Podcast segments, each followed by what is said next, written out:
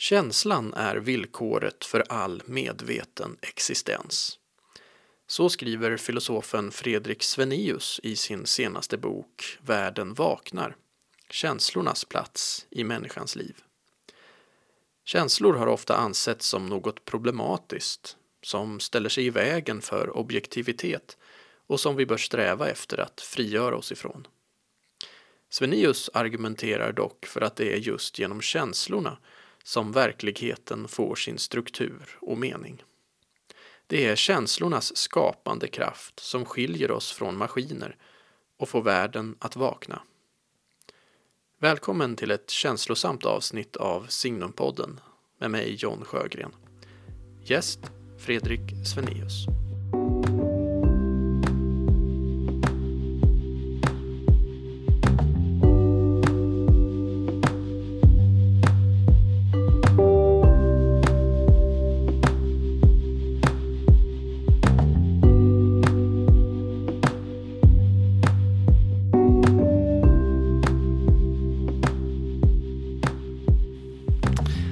Välkommen till Signumpodden Fredrik Sveneus.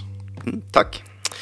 Eh, jag måste väl börja det här samtalet med en sån här eh, riktigt klyschig fråga. Den här sportkommentatorsfrågan. Hur känns det? Vad är din podd menar du? ja, eller om jag, om jag frågar så här. Hur, eh, hur känner du just nu? Ja, jag känner mig lite pirrigt i magen sådär liksom.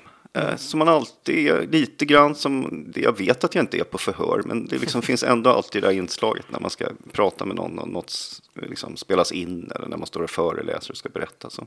Mm. Lite så här, lite, lite pirrigt men också ganska närvarande faktiskt. Mm. Mm. Det låter som en bra mm. förutsättning. Mm. Det är så det ska vara tror jag. Hoppas det. Ja. Nej, men den här boken du har skrivit, Världen vaknar, känslornas plats i människans liv, den handlar ju just om känslor.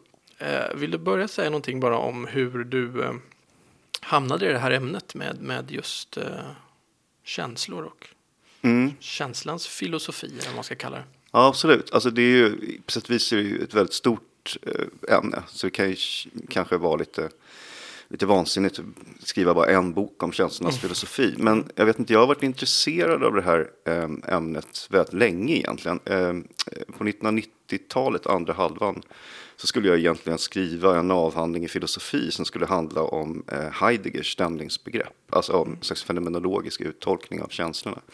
Och ända sedan dess, sen blev det inte så, utan jag fick en tjänst på ett annat ställe och drogs in mer i medicinfilosofiska medicinetiska frågor och sådär. Men det där har hela tiden funnits med mig, så det här är liksom en bok som har legat länge i eh, ja, vad ska man säga, i hårddisken på lut, i, i tankarna, i känslorna. Och så jag har liksom hela tiden ackumulerat, läst mer och mer och tänkt mer och mer kring eh, känslor. Så det är, det är en sån slags, det är, det är, på något sätt min, eller en i alla fall av de viktigaste filosofiska frågorna för mig överhuvudtaget, vad känslor är för någonting.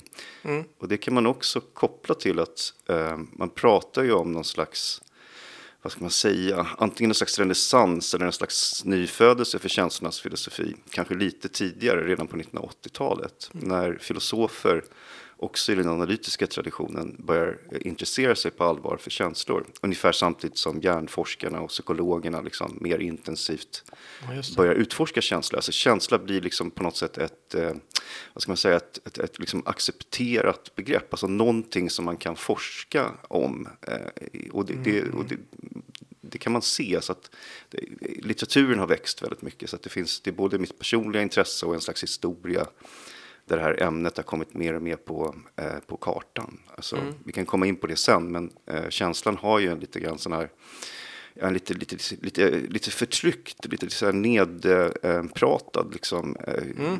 rykte i, i, i, eh, filosofins historia och, och, även i vetenskapen. Så. Verkligen. Mm. Verkligen. Och ja. Det är väl en del i, i liksom, eh, moderniteten på något sätt. Mm. Också. Mm. Ja, kanske. Men eh, det är väl kopplat också lite, jag tänker eh, om man blickar tillbaka också lite det du har gjort tidigare. För du har sysslat en del med kroppen också, som mm. du säger, liksom, eh, patologi och sjukdomsmedicinsk mm. filosofi och sådär. Mm. Och känslor är väl väldigt mycket också kopplat till det kroppsliga. Liksom. Mm. Ja, alltså känsla, det alltså, det är så ofta med filosofiska frågor. Det där att, menar, alla vet på något sätt vad en känsla är. Mm. Men det är inte så enkelt att eh, stava ut det. Men alltså början, där man ska börja tror jag i, i själva liksom, upplevelsen, erfarenheten, första personsperspektivet pratar ju fenomenologerna om. Mm, mm. Och där skulle jag säga att känslan är absolut primär. Och den primära känslan är också på ett tydligt sätt eh, liksom kroppslig. Mm. Jag, jag, jag, känner nu när jag sitter här att jag är här med min kropp i rummet tillsammans med dig. Det är mm. liksom en, det är en känslig erfarenhet men därmed är det också en kroppslig erfarenhet. Och jag tror att alla känslor, till och med de mest liksom, eh, vad ska man säga, Eh, höga känslorna eller kopplade till det allra mest abstrakta, som till exempel att tänka att två plus två är fyra eller någonting sånt, mm. har alltid en sån här känsla i bakgrunden som på olika sätt bär liksom, tankarna eller varseblivningen eller vad det nu kan vara. Så att mm. känslorna, de, de, de är i kroppen, eh, de, de stannar inte kvar i kroppen. De, de, det skriver jag ju också om i boken. De handlar om en massa saker i världen och sådär, men, mm. men de har sin rot i kroppen på något sätt. Du börjar i, eh, jag tänker vi ska gå in lite djupare på vissa av de här mm. trådarna som kommer upp här. Men du börjar eh, ganska tidigt i boken med eh, tre inten, så att säga, som mm. du vill eh, mm. eh, liksom, gå in i. Och, och det är då, vi är inte kroppslösa själar. Nej. Vi är inte hjärnor. Och vi är inte datamaskiner. Mm. Ska vi eh, ta de där tre mm. lite grann och se mm det här första då, det är jag ju inte lite inne på nu med kroppen då, men att vi är, vi är inte kroppslösa själar. Nej, det är vi inte, utan vi har ju en, en massa olika eh, själsliga förmågor, men mm. de är liksom alltid eh, kroppsligt fästa eller förbundna på olika sätt skulle jag säga. Alltså jag, alltså jag, jag, jag, jag är inte dualist nej, på nej, det sättet. Nej, utan, inte jag heller. nej, nej, nej, så att, eh, och man kan ju säga att det här med i alla fall de här lite mer olika naiva formerna av dualism som kanske finns hos Descartes eller sådär, mm. att det liksom skulle vara olika substanser och så. Det är väl inte så många som tror på det idag. Fast det eh, har ju påverkat ändå det man har säga väldigt mm. mycket, tror jag, mm. hur man tänker. Även, även om det har gått ur modet i, liksom, inom filosofin så tror jag att mm. det präglar det allmänna tänkandet kring kropp och själ. Ja, med all rätt på något sätt, för det finns ju någonting grundläggande riktigt ja, i ja. Eh, dualismen. Det är bara att de här filosofiska uttolkningarna blir inte så troliga. Nej. Men alltså, eh, till skillnad från den här första då, om man, man liksom pratar om det som någon slags Descartes-dualism, så tror jag att här, de här två andra felen eller misstagen. Det här att tro att vi är hjärnor utan kroppar. Mm. Eller att hjärnan ytterst är någon slags datamaskin. Det är de, mer, de är vanligt idag. Jag skulle säga att de är, de är dominerande. Mm. De är liksom majoritetsuppfattningar. Och därför blir det väldigt viktigt att med hjälp av eh, de här filosofiska resonemangen kring känslor och kroppslighet som jag har i boken försöka göra upp med dem. Därför mm. jag tror nämligen att de, de är helt fel. ja, men ja. du får lägga ut texten här. Ja. Vad, vad, är det som är fel då med att säga att vi är, liksom, vi är hjärnor i stort sett? Att liksom, mm. Vi kan likställa människan med den mänskliga hjärnan. Liksom. Ja. Vad, är, vad är problemet med det? Ja, det första uppenbara är ju att eh, en hjärna utan Eh, liksom, den övriga kroppen eh, är ju ingen eh, organism överhuvudtaget, inte ens en biologisk organism. Så att mm. hjärnan sitter ihop med resten av kroppen. Men hjärnan tillsammans med kroppen måste så att säga befinna sig i en värld där den varse blir saker och där den handlar, kanske till och med liksom, eh, tänker. Så att man kan liksom inte koppla loss hjärnan eh, på det sättet. Och jag tror man kan inte heller eh, man kan inte heller liksom betrakta sin, sin personliga essens som någonting som liksom bara finns i hjärnan. Den mm. finns i hela ens kroppsliga liv i världen tillsammans med andra.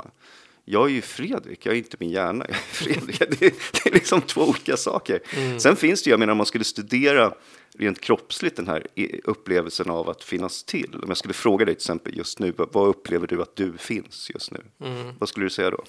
ja, men det är ju det är ju vart jag finns. Ja. ja. ja. ja men det är ju en kroppslig ja. erfarenhet. Ja. det är ungefär som du sa, jag, finns, jag sitter här i ditt kök i Stockholm. I Sverige, i världen. Ja. Några brukar också peka så här ungefär mellan ögonen eller något sånt. Ja, att de har liksom, ja, ja, att de har någon slags, ja, ja, exakt. Jag skulle säga här, jag är mer hjärtat. Du är mer hjärtat, ja, ja, precis. Jag tror att det där kan variera i olika situationer och det är ingen tvekan om att hjärnan är kroppens liksom, viktigaste organ på sätt och vis. Det beror på vad man utgår ifrån då, om det är överlevnad eller ja, vad det nu är för någonting.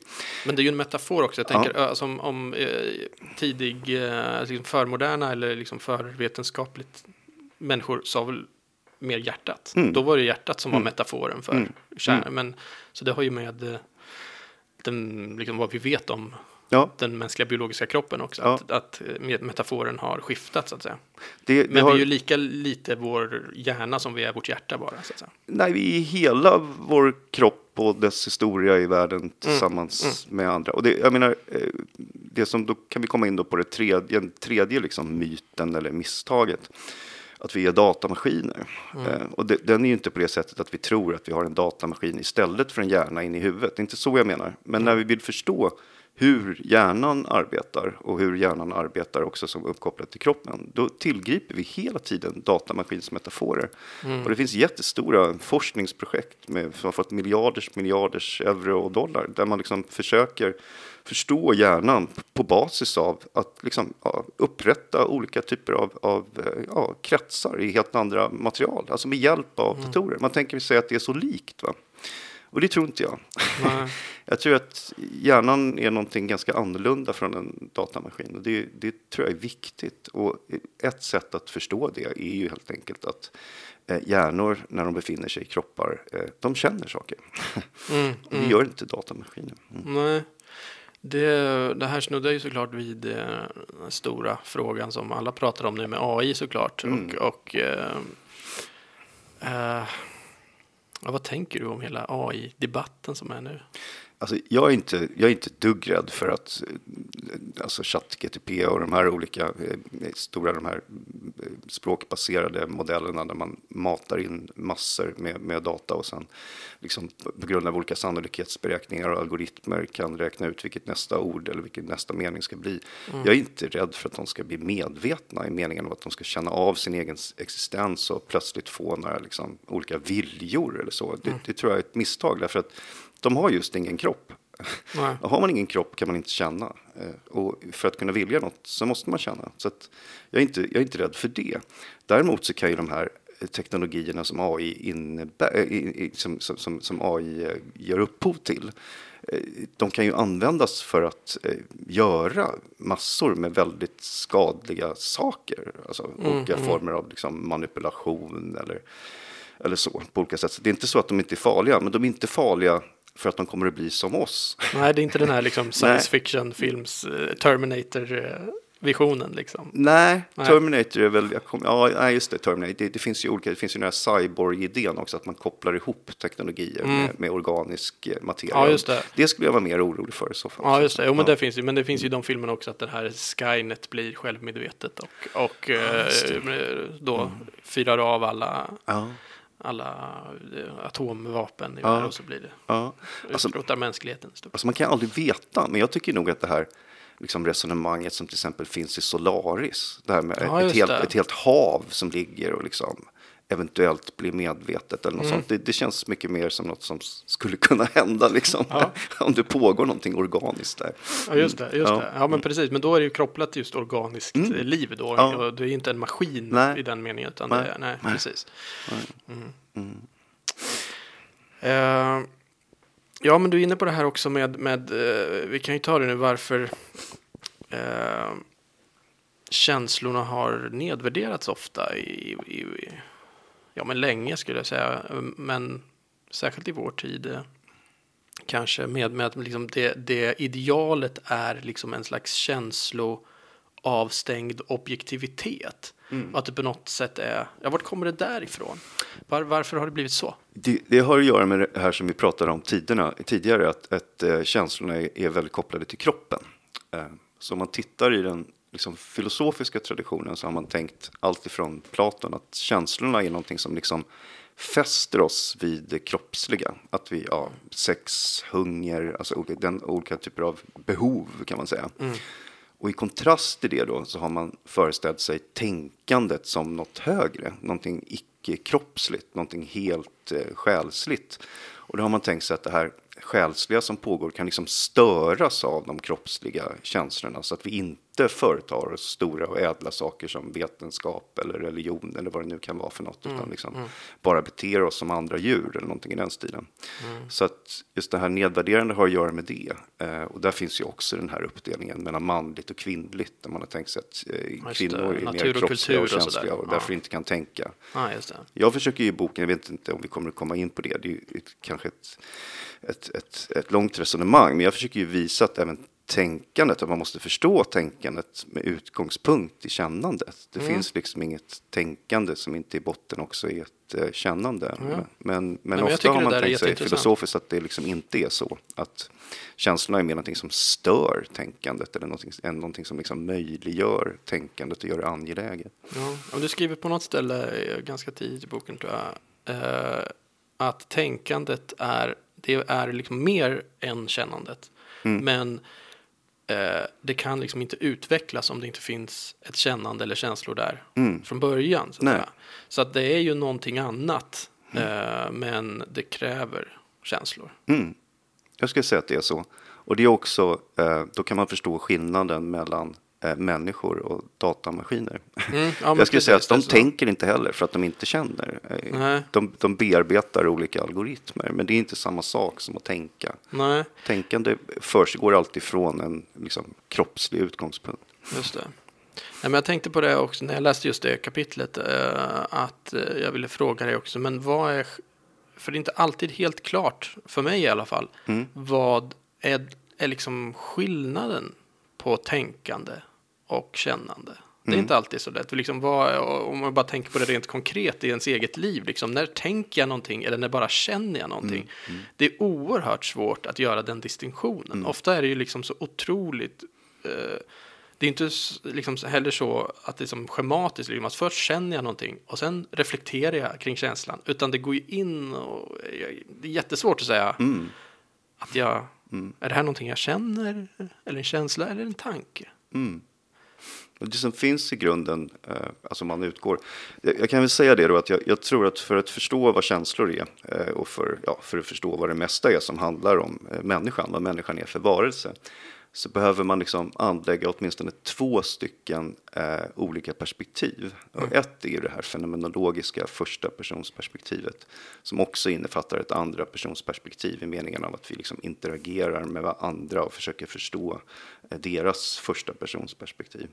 Så det är liksom min grundutgångspunkt eh, i boken. Men jag tror också att man eh, bör ta sig ut och försöka också anlägga olika former av tredje personsperspektiv. Och det är ju mer av den empiriska vetenskapen. Så jag tror att man, man behöver liksom kombinera eh, dem om man ska förstå vad kännande och tänkande är.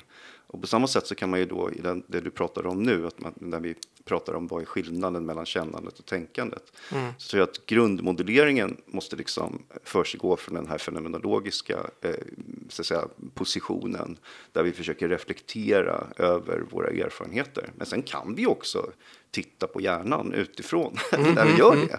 Eller vi kan titta på liksom, evolutionshistorien, andra djur, hur de ser ut i jämförelse med oss. Och vi kan titta på utvecklingspsykologi, hur små barn liksom blir medvetna. Alla de där kan liksom ge olika former av, av eh, säga, material för det här fenomenologiska arbetet. Man bör, man bör tänka in dem på olika sätt också. Eh, eh, men din, nu kommer jag bort från din fråga, det var om skillnaden Ja, mellan precis. kännande och tänkande. ja. Ja.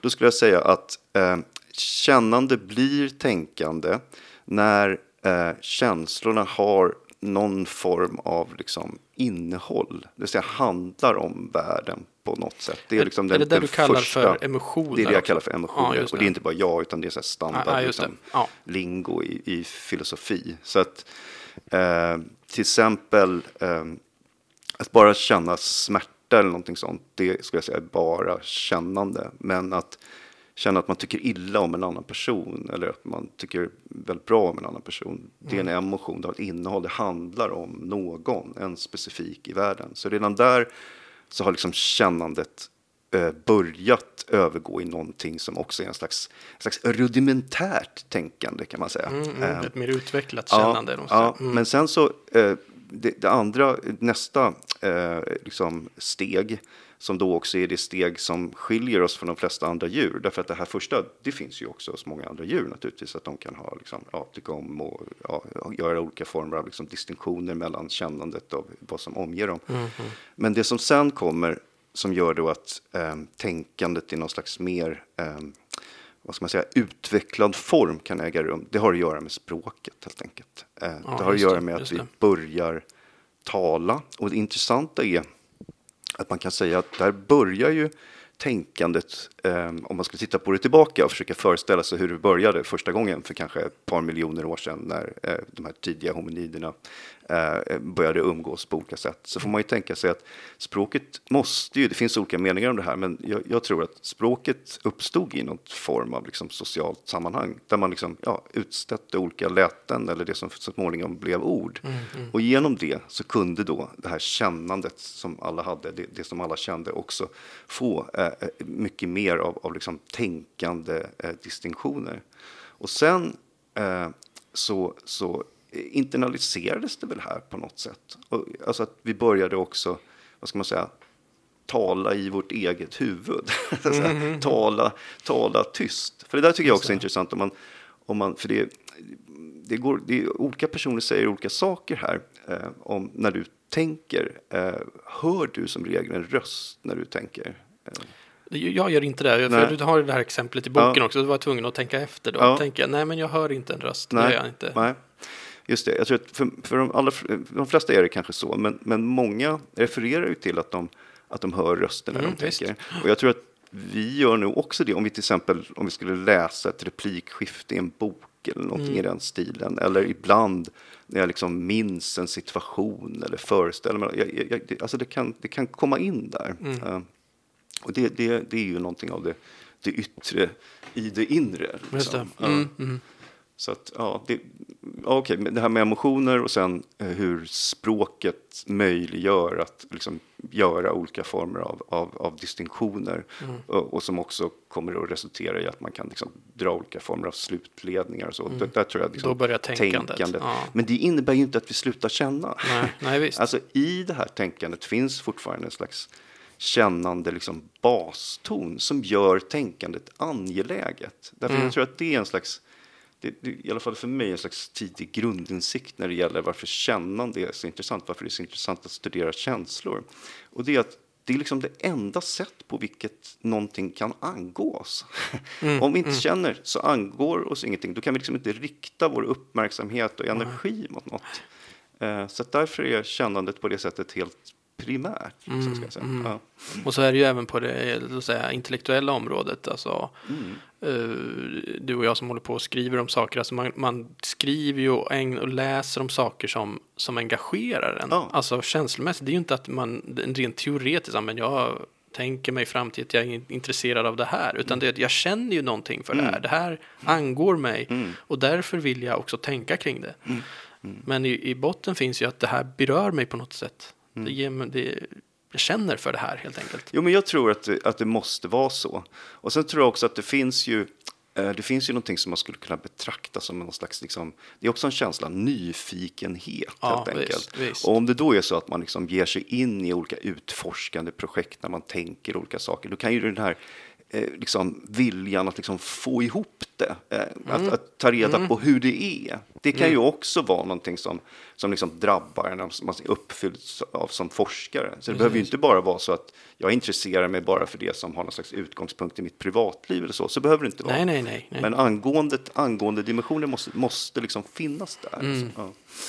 Det tror jag är nödvändigt helt enkelt. Ja, absolut. Annars blir det inte bra om inte annat. Uh, nej, det blir ingen energi liksom. Nej, Energin nej. kommer därifrån. Visst. Ja. Mm. Men jag tror att man tänker sig alltså att den här dikotomin liksom en känsla och att det står i vägen för liksom objektiva. Alltså det, är, det är väl att man just är rädd för att det blir ja men det känns så här för mig, men hur är det då? Mm. Är ju liksom frågan. Mm. Och det är ju en liksom, det är ju befogat att, att liksom, någonstans måste vi ju söka eh, sanningen, så att säga, hur det objektivt förhåller sig. Eh, men man har ju då kanske tänkt sig att ja, men då står känslan i vägen för det. Men, och att det liksom handlar om skillnad mellan subjektivitet och objektivitet. Det är ju inte liksom bara hur du- jag ser på världen, utan det är väl hur världen också är. Liksom. Men det där är ju en falsk motsättning, tänker jag, för att liksom, det går ju aldrig att... Det, någon ren objektivitet finns ju inte. Nej. För att allting filtreras ju genom våra begränsade subjekt, så att ja, säga. ja. Så att det är en falsk eh, motsättning att sätta upp det där. Mm.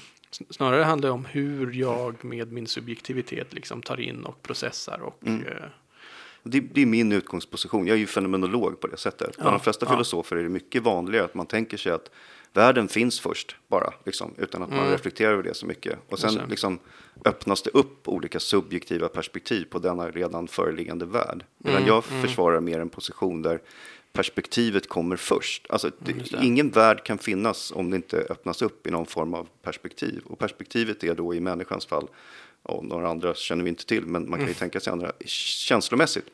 Sen det här med objektiviteten tänker sig fenomenologen snarare på det sättet att inom ramen för det här subjektiva perspektivet så kan man liksom abstrahera på olika sätt. mm, just det. Eh, försöka, ja, man kan, man kan liksom ställa upp eh, olika experiment, man kan utveckla förklaringsmodeller. Mm, mm. Eh, och då går man in i en slags attityd eh, som är vetenskaplig. Eh, men den måste liksom alltid instansieras. Den måste liksom utvecklas eh, utifrån första persons perspektivet. Och det här Mm, kan man ju studera historiskt också. Det, det finns ju en sån historia. Det började ju Ja, lite på 1600-talet liksom, med Nej, vetenskapliga nej, nej. revolutionen och så. Nej, visst. så att, men, men det där tycker jag är väldigt viktigt. Det där att det finns ingen värld eh, som inte också alltid liksom erfars av någon som har någon form av intresse. Liksom. Det, Mm. det, där, där, eh, där skiljer sig nog min position från ganska många andra eh, filosofers. Kanske Mm. inte från teologers, det vet jag inte. Men, men det är liksom...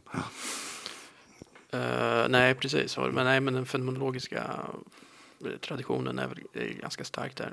Men det är väl också det här att man, man ehm, alltså jag tänker mig det fenomenologiska ibland som att man liksom man har någonting man tittar på och så ställer man sig på olika platser liksom, Mm. runt det man tittar på. Så Mm. kan man liksom, väljer ställa mig här Mm. eh, och vad ser jag när jag står här? Om du tänker du står liksom vid eh, Peterskyrkan eller Mm. något i Rom så liksom, Mm. ja, vad händer om jag ställer mig här Mm. liksom, på Mm. Petersplatsen? Ja, men så, men jag ställer mig här borta, då ser jag någonting annat. Mm. Alltså på något sätt det är det Mm. fenomenologiska och på något sätt är det eh, i någon mening det enda sanna att göra liksom, för att det är, det är så det måste vara på något Mm. sätt. Att man bara Ja. tittar på saker på, från olika perspektiv och ser vad man ser. Ja, ja, jag är helt med där. Jag skulle tillägga att det kan vi bara göra för att vi är kroppar. Så att säga. Mm, ja, Bara då kan vi röra oss. Ja, men precis. Jag skulle också kanske lägga till att när vi liksom rör oss kring Peterskyrkan så ser vi inte bara olika liksom, utsnitt så att säga, av Peterskyrkan. Vi ser hela Peterskyrkan för Mm, att vi liksom medintenderar, som fenomenologen skulle säga, de andra sidorna. Då. Så, att, så att du, ja, den, den här bandspelaren här framträder inte mig, för mig bara som någon slags, liksom, eh, någon slags yta eller någonting i den stilen, utan man ser liksom, man, man, man varseblir helt enkelt hela objekten som är i världen. Ja. Just det. Mm. Eh, ja, men om vi går, vidare lite i, i boken. Det finns ett kapitel här som handlar om eh, liksom när känslorna utvecklas, om, om, om barndomen, barnperspektivet. Det, det tyckte jag var väldigt intressant. Eh, och också de här liksom primära känslorna som kommer.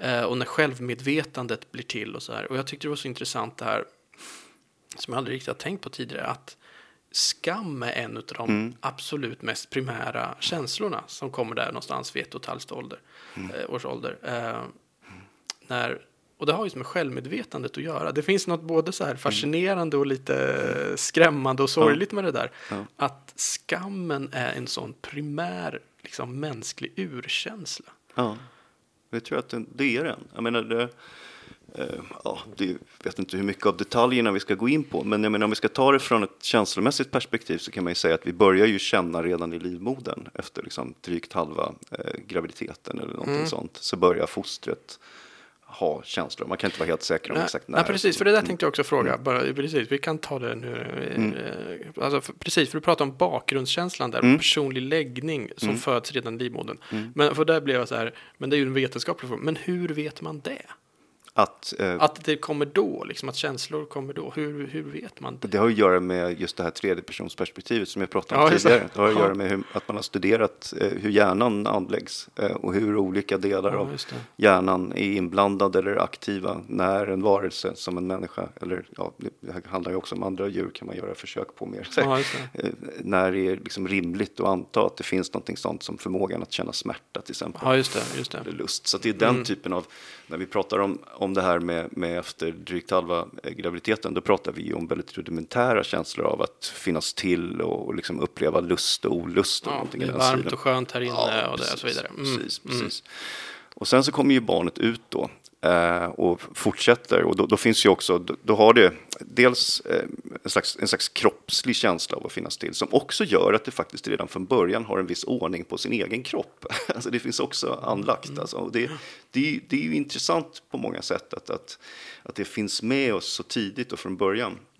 Och när det gäller den här jag-känslan, läggningen, eh, den, den personliga läggning som man har. Det är klart, jag menar, ah, om den finns där i, i livmodern eller inte, det, det vågar jag inte säga. Men att den finns redan från att det kommer ut. Alltså det, Det- finns det- det så många belägg på. Alltså det ja. vet ju alla föräldrar Ja, också. Det är ja, ju så. ja, ja, ja, Barn exakt. föds med en slags personlighet. Exakt, Så exakt, exakt. Så varför skulle Som inte... sen blir liksom tydligare Ja. liksom gradvis. Ja, ja.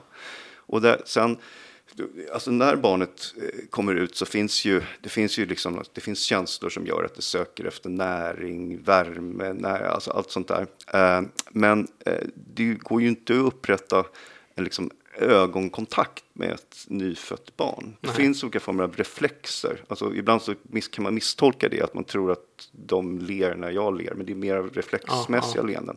Men väldigt tidigt, alltså redan efter sådär en, eh, fem, sex veckor, så kan man få den här eh, ögonkontakten. Mm, Och det intressanta är ju då eh, att föreställa sig hur detta kan vara från det här lilla barnets eh, perspektiv. Mm. Och då, eh, alltså, den, eh, den term som jag använder för att förstå det, det är det jag kallar för mednärvaro. Att, att man är med andra. Och man är med andra väldigt tidigt. Och det är man liksom innan man vet att man själv finns till.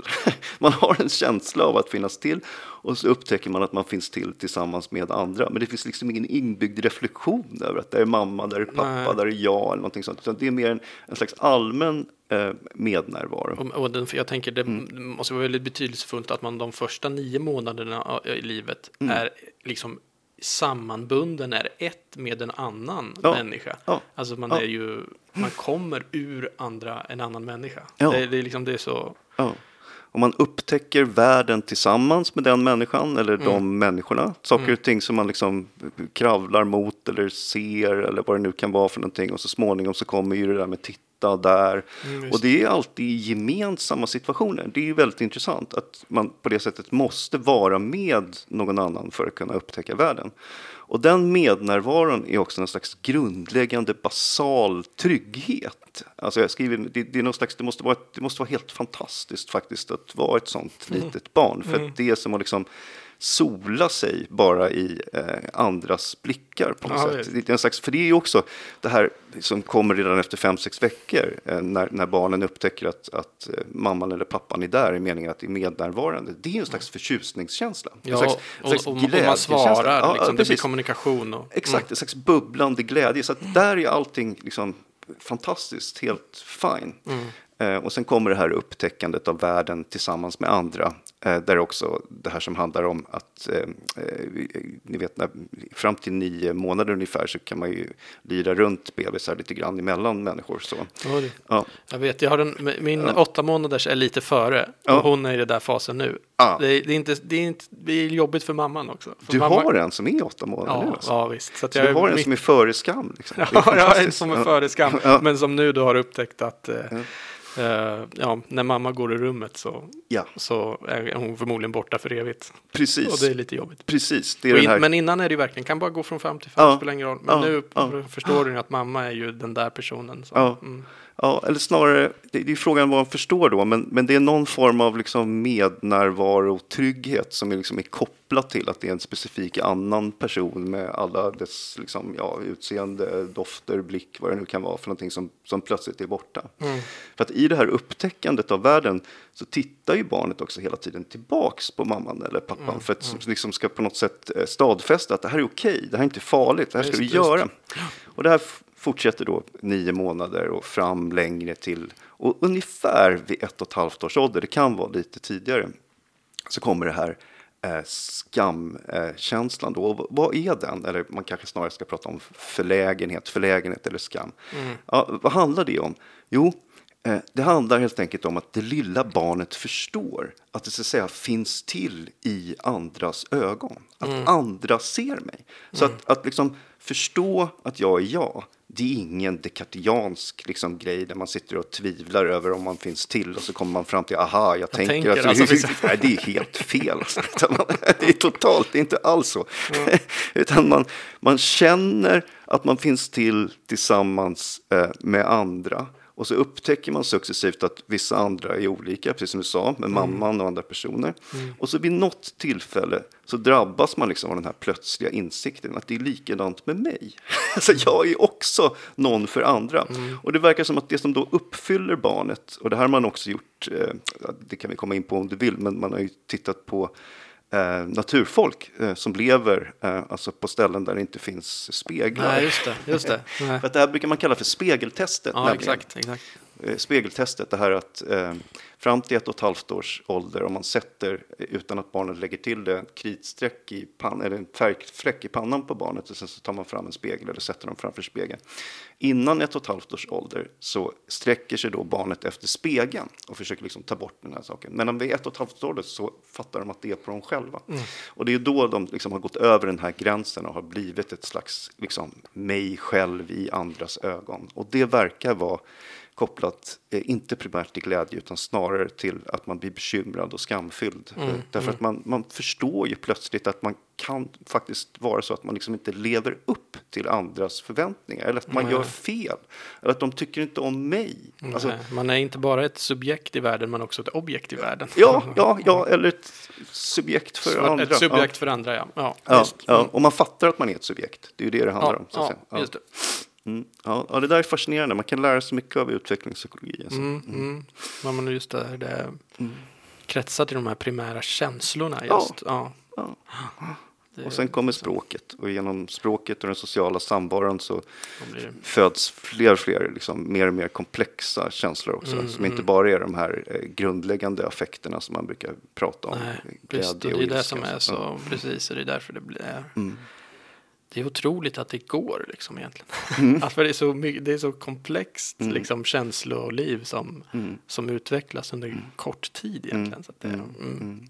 Men det där med skam är ju intressant. Jag skriver ju lite grann om det. Att ibland idag, alltså framförallt kanske kopplat till vissa psykoterapeutiska skolor, så tänker man ju sig att skam är det värsta som finns på något sätt. Liksom. Att skam är någonting som ja, det, det måste begränsas. Och det, det är ju sant att jag menar, om skam Det kan ta överhanden. griper tag i en människas liv så kommer det att förstöra den människans Mm. liv. Men man ska också betänka att en skamlös människa, det är nästan det, är det värsta Nej, som men det är ju sånt där, det är ju sånt uttryck vi har liksom. Ja, Den ja. här personen är helt skamlös liksom. Så två saker behöver en människa för att vara en människa som det går att vara med. Det ena är att de behöver känna skam eller veta var gränserna går genom skam. Och så måste de också vara empatiska på något sätt. Alltså Ja, de måste precis. ha förmågan att på något sätt leva sig in i andra människors situation. Så jag säger de två primära moraliska känslorna. Liksom. ja, precis. Empatin då, hur när föds den? Eller hur, hur uppstår den? Så? Mm, ganska snart efter skammen då. Mm. Eh, kanske fram vid två där någonstans, två, tre. Då kan det lilla barnet sitta vid ett bord och liksom se att den andra är ledsen och liksom sträcka fram en bulle eller något Mm, sånt där. mm. Alltså, där, där någonstans, ganska snart efter, eh, så kommer den eh, faktiskt. Och där kommer också lite senare så kommer ju rättvisekänslorna. Det där, Ja, just det, det ska vara rättvist ja. ja Mm, det ska vara mm, rättvist, det blir mm. väldigt viktigt i alla hem. Det där speciellt om man har Precis. syskon. Ja, Syskon är ja, det visst. primära, liksom, där utspelas rättvisedraman. Liksom, Det är där det börjar, det är där man ska lära sig också. Och kanske primärt först när man själv får för lite glass, men sen kanske också när den andra får Ja, för ja, lite glass. ja, just det. Precis, precis. Det ska vara lika. Ja. Men det där är också svårt för att, för att eh, man måste ju lära barnen också att världen in, inte är rättvis. Ja. Jag tänker på något sätt, liksom det mest orättvisa som finns är millimeterrättvisa. ja, kanske det. För att det liksom, Mm. Så, funkar inte världen. Nej, Det är inte rättvist. Alltså man ska sträva efter att det ska Ja. vara rättvist, men att allt hela tiden måste vara helt rättvist. nej, just det. Det blir kontraproduktivt på något sätt. Så du tänker att barnen ganska tidigt måste liksom erfara att det kan vara orättvist helt enkelt. Ja, inte för orättvist Nej. såklart, för då Nej. är det liksom Men inte bli för upprörd över det för då kommer de att ställa någon slags orimliga krav. På. Ja, precis. Ja, att det ska vara precis Ja. rätt hela tiden. Men ska vi prata lite Mm. också om, om känslornas fara, om man ska säga. Mm. För det har ju väl ändå lite med det här, jag tänkte på det här med med, eh, Ja. vad kallar du det? Medkännandet eller med... eh, ja, eller att känna tillsammans Känna med andra tillsammans, kan man precis. säga. För där Mm. finns ju det här, eh, Mm. dras med i kollektiva känslostormar Mm. och känslorus. Det har vi ju sett i historien att det är inte Mm. alltid så bra. Nej. Vad, vad skulle du säga? Mm. Vad har du att säga om det? Ja, jag har ganska mycket att säga om det i det här kapitlet. Men, Ja, ja, vi, men- vi säger några grejer då. Ja. Alltså, eh, varför kan liksom, känslor eh, vara dåliga? Alltså, dels så kan de ju göra att vi, eh, om de är tillräckligt liksom, starka i vissa situationer, så kan det ju, de ju bli att vi bryr oss om lite fel saker. Att vi liksom inte Mm. kommer vidare, att vi håller oss på en sån här grundläggande nivå där vi bara ja, titta på, jag vet inte, det är inget fel på att titta på tv-serier, men när vi liksom ägnar oss snarare åt liksom kittlingar, underhållning, Mm, eh, ja, mat, sex, alltså de här sakerna som är kroppsliga. Jag skulle säga, det är inget fel i dem, men om de upptar en, en människas hela liv, då, då får vi ett problem. Då har vi liksom inte utforskat och levt eh, fullständiga liv, skulle jag säga. Så det, är, det är det ena. Men låt oss komma över till det andra då, med, med känslorna eh, i samvaron. Alltså, känslorna är ju det som gör att vi kan vara tillsammans. Det, det är ju den första viktiga saken att säga. Att vi, liksom, vi kan bara dela någonting om vi i någon mening känner det tillsammans. Alltså vi kan ha rent instrumentellt samhandlande, men det är ju liksom inte ett riktigt genuint samhandlande eller sätt att vara tillsammans, utan vi måste helt enkelt känna tillsammans. Att, och vi pratade ju just om det här lilla barnet och såg att det är liksom, ja, det är vägen till att utvecklas, till att bli en människa. Men när eh, det här sättet att vara tillsammans eh, på något sätt griper tag i människor på ett okontrollerat sätt. Och då tänker jag kanske inte så mycket på när man är två, tre eller fyra, utan kanske snarare när man blir 10, 20 eller 100 000 eller någonting sånt. Som man ju idag kan bli, inte bara på torget utan också på nätet. Då finns det en slags liksom förförisk kraft i det här tillsammansvarande i massan. Där vi liksom går upp i eh, den här känslan utan att ta personligt ansvar för det som görs. Och det skulle jag säga, det är väldigt farligt därför att den här driften att vara tillsammans med andra i, i starka känslor, den tror jag är väldigt, väldigt grundläggande för eh, hela vår kultur. Den är liksom ett behov som vi har. så att om den släpps lös, och framförallt om den släpps lös kontrollerad av olika hänsynslösa ledare som, ut, eh, så att säga, eh, som, som, som utnyttjar den på olika sätt, då, då kan känslorna bli någonting eh, väldigt eh, farligt. Och jag menar, de som sysslar med politik och olika former av, av politisk manipulation, de vet ju att det är ju genom känslor som man vinner människor. Det är ju inte genom argument. Liksom. Nej, visst. man, man, man måste vädja till känslor och ofta starka känslor av samvaro och samvaro mot någon annan. De allra starkaste masserfarenheterna är när massan också är emot en Ja, visst, annan visst. grupp det av människor. Det är som att liksom, kraften kommer ifrån det. Och där kan det bli rätt farligt, alltså, ska jag säga. Och du skriver någonstans att det är lättare också mm, att dras med av känslostormar än av ett liksom kollektivt tänkande. Så det är inte Mm. ofta att vi tänker liksom att det är det som ballar ur utan det Nej, är, nej, de här nej. när känslorna får härska oregerade. Så. Ja, vi slutar, vi slutar liksom eh, tänka och kännandet blir liksom viktigare än tänkandet. Det där är någonting som jag tycker man kan se ibland i samtida politik, alltså både på höger och vänsterkanten. Mm. Att det på något sätt, det verkar vara mycket viktigare vad du känner än vad du tänker. Det är liksom mm. om du känner rätt sak i olika situationer, då är du liksom en av oss. Då är mm, du på rätt sida. Mm. Vad du tänker spelar kanske inte så stor roll, det är vad du känner. ja, precis. Ja, men här, det är ju bra att du säger, du, du, du säger ju verkligen inte någon liksom dikotomi mellan känna och tänka utan Nej. liksom inte så att du nedvärderar tänkandet på. Nej, precis. Nej, och där sätter du ju också, det tyckte jag var intressant, eh, tänkandet då eh, i, eh, i samband med den fria viljan. Ja, just det. Mm. Och du säger att den som inte tänker kan mm. inte heller vara fri. Nej. Mm. Och eh, mm, vill du utveckla det? Lite? Ja, som, som ju du vet är ju den fria viljan ett ganska liksom, stort problem. Kan du inte ta, ta du får ja. två minuter. Ja, jag, tar, jag, Nej, alltså jag gör lite så här eh, enkla distinktioner som jag tycker är viktiga att göra. Ja. Alltså det, det, första då som kanske är det allra viktigaste, det är det här att, att ha en fri vilja. Det innebär liksom inte bara att följa sina känslor. Nej. Så att jag menar, jag, jag, jag har inte en fri vilja bara för att jag väljer chokladglass istället för vanilj eller någonting nej, i den stilen. Nej. Och det, det anmärkningsvärda är att väldigt många filosofer har ju tänkt sig, alltså inte minst i den samtida analytiska traditionen, mm. att det är vad fri vilja är helt enkelt. man, ja, man har olika, man har olika liksom, impulser, man har olika liksom, känslomässiga intressen och så följer man dem. Eh, alltså, åtminstone borde man ju säga att man borde utvidga det till att antingen följa känslan eller låta bli. Eller någonting i mm, den stilen. Och då tänker jag mig att om man då har en, en väldigt, eh, jag ställer fram här en, en, stor god kaka eller någonting i den stilen. Och, mm. ja, du vet att du inte borde äta den för att det är inte bra för dig eller någonting mm, sånt. Och, och, du, du känner att jag vill verkligen ta en stor bit av den här chokladkakan och så avstår du. Ja, vad är det du har gjort då? Ja, du har ju tänkt. Eller hur? Mm. Du har liksom föreställt dig två möjliga framtider i vilken du åt kakan och inte åt kakan. Och så har du föredragit den ena framför den andra. Mm. Och det ska jag säga, det är för mig i alla fall minimalt för att tänka att man har en eh, fri vilja. Om man inte har den förmågan, den föreställningsförmågan. Och sen kan vi diskutera hur långt jag måste kunna tänka eh, och hur komplicerat det resonemanget måste vara. Men det är nödvändigt för att man ska kunna prata om fri vilja. Liksom, mm. Mm. Du skriver någonstans här ja, med magkänsla. Mm. Att magkänsla är att bottna i sina känslor samtidigt som man tänker. Ja, det tycker jag var ganska bra.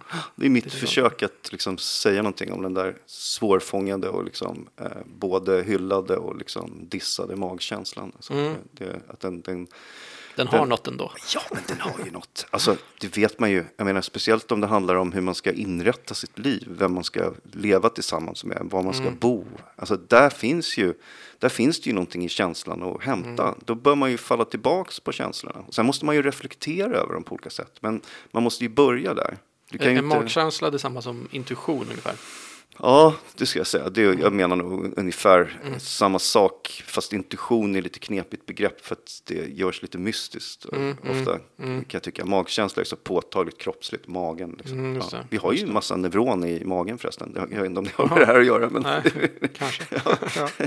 Ja. Jo, men man, ja, man kan ju verkligen prata om det. Det mm. känns i magen liksom. När någonting är, det träffade mig mitt i magen. Ja, liksom. Framförallt om det känns dåligt. Ja, precis. Då är det, det där kändes inte bra. Nej, då ska man akta sig sig. Mm. Det tror jag det man Samvetet ska göra. kanske sitter i magen. Ja, just det. Du pratade om samvetet här. Ja, det var förra avsnittet. Ja, ja. Din kollega. Ja, samvetet sitter nog inte bara i magen. För att i samvetet så måste man också tänka in förhållandet till andra. Ja, ska jag säga, det är en reflektiv, ja. eh, något man gör med tänkandet. Både, ja. Där har vi verkligen både känsla och tänkande. I... Men samvetet känns ju. Det är ju därför samvetet det kan känns plåga en människa, eller hur? Ja, precis. Det är ju, mm. det är ju ja, men ungefär som du säger. Alltså det, kännandet kommer ju först där. Mm. Och sen kan man mm. reflektera och förstå. Mm, mm. kanske mm. känns det fel för att. Där. Ska vi avslutningsvis, tänker jag, där borra in oss lite i där du avslutar boken, mm. i sista kapitlet som handlar om mm. Döden. Vart ska man annars sluta? Ja. det, det är ju där vi alla ska sluta. Jag börjar ju boken med att jag vaknar upp i sängen på morgonen. Ja, liksom, och reflekterar precis. lite grann kring att första gången man vaknade måste ju varit, det måste ha funnits en första gång så att säga. Ja men precis. Ja. Och sen ska det vara en sista gång också. Ja. Och så somnar man in en sista gång Ja, också. först i livmodern och sen så på slutet där. Precis. mm, ja, så, så är går liksom hela livet kan man säga. Mm. Ehm, ja men döendets, framförallt döendets är det väl. Döden vet vi kanske inte så mycket om. Nej. Som han, händer på andra sidan och så vidare. Men eh, själva döendets känslor så att säga Mm. går det in i. Mm. Varför ville du sluta där? Eller varför ville du eh, varför var det viktigt tycker du? Att dels var det väl det symmetriska, att har man börjat med att vakna, då måste det ju sluta med att man somnar på något sätt. Liksom. Och, att, och det är ju omgivet ju Mm. av väldigt mycket känslor såklart. Döendet. Ja. Det är väl liksom den stora, ja, ja, det Jo. centrala i människans liv på något sätt. Att Ja. vi vet att vi ska dö. Ja. Alla känslor på något sätt kretsar kring, Ja. kring döden. ja, men nu, nu sa du ju väldigt bra själv. Ja. Jag slutade med det. Så att det var, ja, men så är det ju, exakt så är det. Ja. Jag tror jag skriver någonting i stil med det där i kapitlet, att liksom hela den mänskliga kulturhistorien kan förstås som en slags kännande reflekterande över döden. Jag tror att det är Mm. så. Jo. Att det är på något sätt det som Ja, det kan vi också föra tillbaks till det lilla barnet där lite senare. eh, Jag vet inte när, kan vi börja med en fyra, fem års åldern kanske eller någonting sånt så blir ju Mm. barn ofta eh, lite, nästan lite besatta av döden. Vissa för att Mm. de liksom förstår att eh, de själva, men framförallt kanske deras föräldrar och så, kommer att dö. Så att den där Mm. känslan att den där Eh, viss, ja, det är en visshet på sätt och vis, men det är någonting som vi ofta tränger bort och inte försöker tänka på. Men att den här dödligheten helt enkelt hör till det mänskliga livet som ett slags grundläggande predikament. Det är ju absolut en, en grundkänsla. Och döden är ju, alltså jag skulle säga att den är, ja, för mig är den skrämmande i alla fall. Alltså, Mm. det, det, jag vet inte hur många, det, det är vissa situationer så kanske vissa människor inte är rädda för att dö. Det är ju ganska många som har sagt i olika situationer att de inte är det. Men, Mm. men eh, ja, jag kan ju känna idag till exempel att gick jag, upptäckte jag plötsligt en fläck på kroppen som jag trodde var cancer så skulle jag bli skiträdd. Varför skulle jag bli jätterädd? Jo, för Mm. att jag inte vill dö. Liksom. Så Mm. att, jag menar, Man vill ju framförallt leva. Alltså, Ja. så. Ja, Det är ju också vad man menar med att vara rädd för döden. Jag är inte så Mm. rädd för själva liksom. Ja, men en del kan vara rädda för att liksom inte. Ja, men för vad som händer sen. Alltså, så att jag är inte så rädd för det, men jag vill leva. Liksom. Mm. Det är ju en, den basala livsdriften. Liksom, att, Mm. det, är för, det är därför. Eh, ja. Men du är inte rädd för att det ska göra ont och sådär? Alltså jag vet inte, det kan ju ha med ålder att göra så här också. Mm. Att man liksom inte hunnit börja riktigt. Jag är Nej. precis i mitten av livet. Eller Ja. Så här, det kanske börjar komma snart då. Ja, Men nu är jag inte så rädd för det. nej. Att det ska göra ont eller så. Alltså, nej, jag vet inte. Det känns också som att liksom, vi har så himla bra sjukvård. Alltså, så det, bara, det känns som att... Har vi det? Ja. Nej, jag vet inte. Ja, du har skrivit mycket om det. Nej, Ja. men, jo, men om man är riktigt sjuk. Alltså till exempel palliativ vård Ja. i Sverige är väl riktigt, riktigt bra. Det är min eh, uppfattning. Också min personliga erfarenhet när jag har Ja. varit nära Jo. den så att säga. Jo, det, det är också de, de erfarenheter jag själv har med, med vänner och anhöriga som har gått bort. Så är den palliativa vården och det, är det som man får under den allra sista tiden Ja. är väldigt bra. Ja. Och Nej. väldigt professionella människor som jobbar där. Ja, när de andra har gett upp liksom. Mm. Då. Ja, precis. Men om man ska komma tillbaka till det där med döden då, att, med rädslan för döden. Mm. Man säger att en rädsla kan ju vara den här rädslan för att inte längre existera.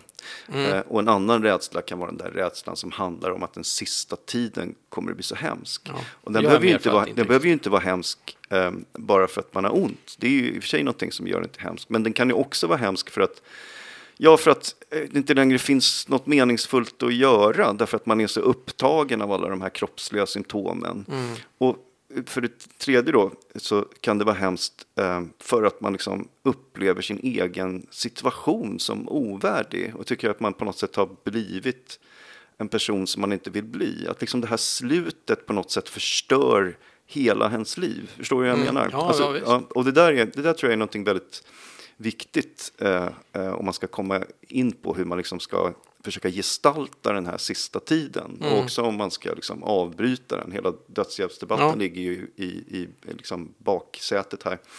Att hur kan man göra den tiden till liksom ett sammanhang och en situation när människor känner att de liksom inte förlorar sin värdighet. Det, Mm. det, det tror jag kanske är det allra viktigaste. Alltså lika, det är naturligtvis viktigt att man inte dör i skrikande smärtor. Men jag menar, det, när, när människor idag pratar om att de inte längre vill leva utan de vill dö, då handlar det ju ofta om det snarare mm. än att de har jätteont. Därför precis som du säger, smärtan har medicinen gjort fantastiska framsteg när det gäller att liksom, eh, på olika sätt lindra och ta bort. Mm. Men, men det här med förlorad värdighet, det kan liksom inte den medicinska vetenskapen göra något åt. Det, det, handlar om helt andra saker. Ehm, så det diskuterar jag ju en, en del där också mm. i sista ja, kapitlet. Jag tror det verkligen är viktigt det med värdigheten. Mm. Men jag tycker du har ett väldigt bra nyanserat ehm, resonemang också kring det här med legaliserad eh, dödshjälp och så. Mm. Vill du säga någonting om det? här är ju något som såklart, som du vet, diskuteras mycket i katolska kretsar. Och, mm. eh, så, eh, vad, vad, är din hållning eller vad, hur resonerar du kring det här?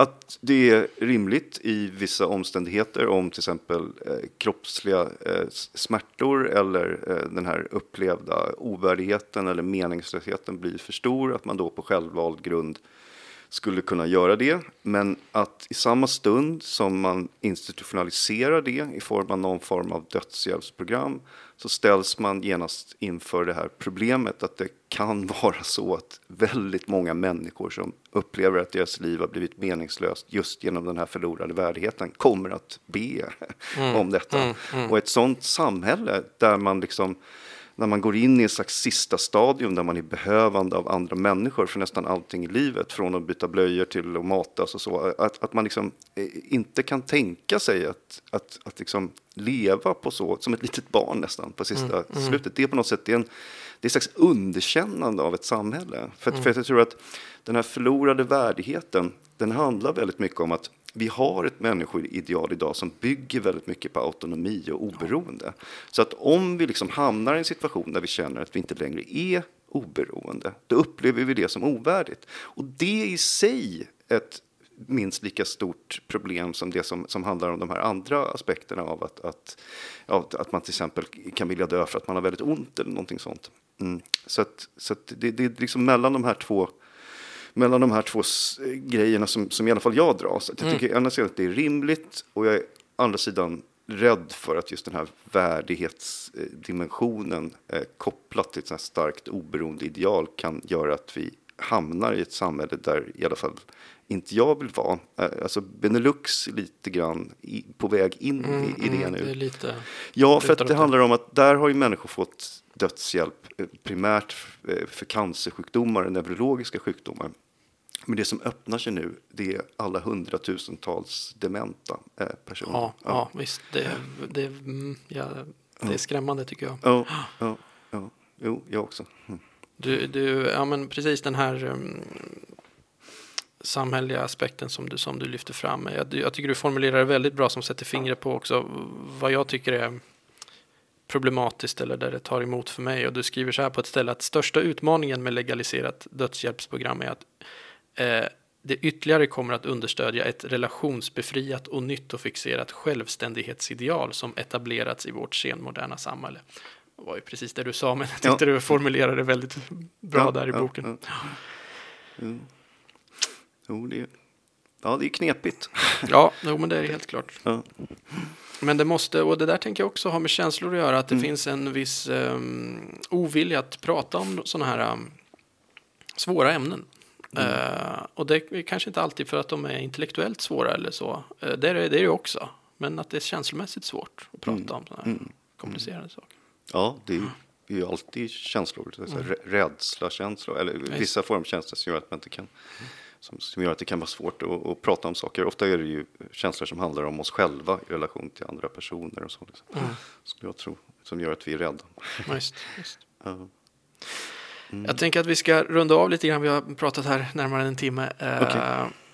Det brukar jag ofta säga så här att det är mm, människor har svårt att komma i kontakt med sina känslor. Mm. Att uh, det är ofta ett problem. Hur, vad skulle du säga? Liksom, hur skulle man göra för att... Har du något sånt där? Hur kommer man i bättre kontakt? Hur lever man mer ett känslo, känslofullt liv? Ja, det handlar väl om att komma i kontakt med sig själv då, mm. eftersom det grundläggande sättet att finnas till är eh, som en eh, känsla. Eh, Man kommer inte ifrån dem helt enkelt. nej, man kommer inte Kanske blir ifrån mer dem. medveten om dem bara. Ja, precis. Det, det kan lätt bli en sån där medveten närvaro liksom. På något Ja, sätt. ja, mindfulness. Ja, men Grej. Så Ja. jag tror det kan vara bra. Jag har själv försökt meditera och sådär. Det, Mm. det, ehm, men hur man kommer bättre i kontakt med eh, sina känslor. Ja, det handlar man läser din bok. Ja, läsa boken. Eh, och kanske, ja, man kan ja, inte läsa boken tillsammans med andra kanske, men också att, att eh, våga på något sätt tematisera känslor tillsammans med andra. Det är väl så man måste göra det. Att det finns många känslor som man liksom på något sätt man inte kan förstå helt och hållet ensam. Det går inte. De måste liksom ut i något slags mellanmänskligt rum. Och det är ju det på sätt och vis som alla terapier handlar om. Så det är en gammal insikt. Men där tror jag att kanske är det inte bara liksom terapeuter vi behöver, det kanske är vänner också. Jag, jag har, när jag pratar om eh, det här med att vara tillsammans i känslor, så vi pratar inte om det, men jag har ju en slags, en slags ideal för hur en slags liksom, politisk, eh, så säga, medveten eh, närvaro tillsammans med andra ska se ut. Och det är ju ett slags vänskapsmönster. Och det handlar ju helt enkelt om att eh, människor framträder som individer för varandra. Och där kan man kanske också liksom sätta in eller ta vid när, när det handlar om att komma i kontakt med sina känslor. Alltså precis som bebisarna inte sitter och reflekterar över att de ska finnas till utan är ute i ett rum tillsammans med andra och upptäcker världen och liksom tittar på varandra och försöker kommunicera så kanske vi, vi måste nog göra likadant med, med, med, med känslorna om vi ska komma i kontakt med dem. Mm. Ja, men det är bra. Tror jag också. Jag tackar dig, Mm. Fredrik Svenaeus, för att du gästade Singelpodden. Tack för att jag fick komma. Och eh, tack alla ni som har lyssnat och lyssna gärna på oss igen i nästa avsnitt. Hej så länge.